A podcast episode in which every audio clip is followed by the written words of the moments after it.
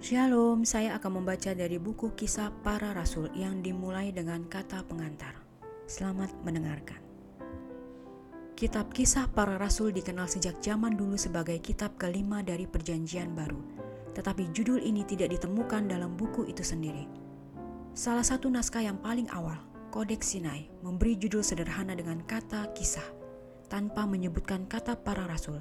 Ada alasannya, Kata kisah lebih mengarah kepada suatu rangkaian sejarah pelayanan yang dilaksanakan oleh para rasul, melebihi dari peristiwa-peristiwa dasar dalam pekerjaan seumur hidup dari keempat rasul yang menonjol yaitu Petrus, Yakobus, Yohanes, dan Paulus. Kitab kisah ditulis oleh Lukas, dokter yang kekasih, seorang dari bangsa non-Yahudi yang bertobat, bagi segenap jemaat baik kepada orang Yahudi maupun yang bukan Yahudi Sementara peristiwa-peristiwa itu mencakup satu periode kurang dari 30 tahun. Tulisan ini berisi pelajaran penting bagi gereja sepanjang zaman. Dalam kitab kisah dengan jelas Allah menyatakan bahwa orang Kristen sekarang akan mengalami kecurahan roh sama seperti yang telah datang dengan kuasa besar pada hari Pentakosta, serta menghembuskan pekabaran Injil itu bagaikan api.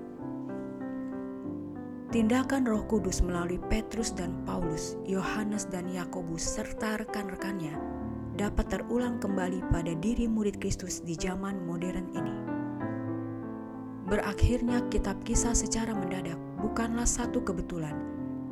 Dengan sengaja hal itu mengemukakan bahwa kisahnya belum selesai dan bahwa tindakan Allah melalui kuasa roh harus berlanjut melalui teladan kehidupan Kristiani. Setiap generasi berturut-turut menambah satu pasal penuh keindahan dan kuasa kepada pasal sebelumnya. Kisah yang tercatat dalam buku menarik ini merupakan tindakan sesungguhnya dari Roh Kudus. Karena dalam zaman rasuli, Roh Kudus menyatakan diri sebagai penasehat dan penolong bagi para pemimpin Kristen. Pada hari Pentakosta, murid-murid yang berdoa dipenuhi roh mengkhotbahkan Injil dengan penuh kuasa. Tujuh orang terpilih sebagai diaken penuh dengan roh dan hikmat. Kisah 6 ayat 3. Roh Kudus yang menuntun dalam penumpangan tangan atas Saulus. Kisah 9 ayat 17. Penerimaan orang non-Yahudi di dalam persekutuan gereja. Kisah 10 ayat 44 sampai 47. Mengkhususkan Barnabas dan Paulus untuk pekerjaan misionaris. Kisah 13 ayat 2 sampai 4. Dalam majelis di Yerusalem. Kisah 15 ayat 28. Dan di dalam perjalanan misionaris Paulus lain waktu apabila gereja sangat menderita di tangan para penganiayanya, yaitu orang Roma dan Yahudi. Roh itulah yang menopang umat-umat percaya dan melindungi mereka dari kekeliruan. Kisah para rasul adalah satu dari buku-buku terakhir yang ditulis oleh Ellen G. White.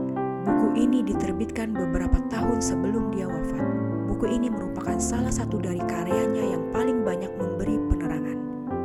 Para pembaca akan mendapatkan terang kesaksian Kristen di dalamnya pekabaran buku ini tetap segar dan relevansinya terpantul dalam upaya penulis untuk menunjukkan bahwa pada akhir zaman umat Allah akan menyaksikan pencurahan kuasa Roh Kudus melebihi pada hari Pentakosta.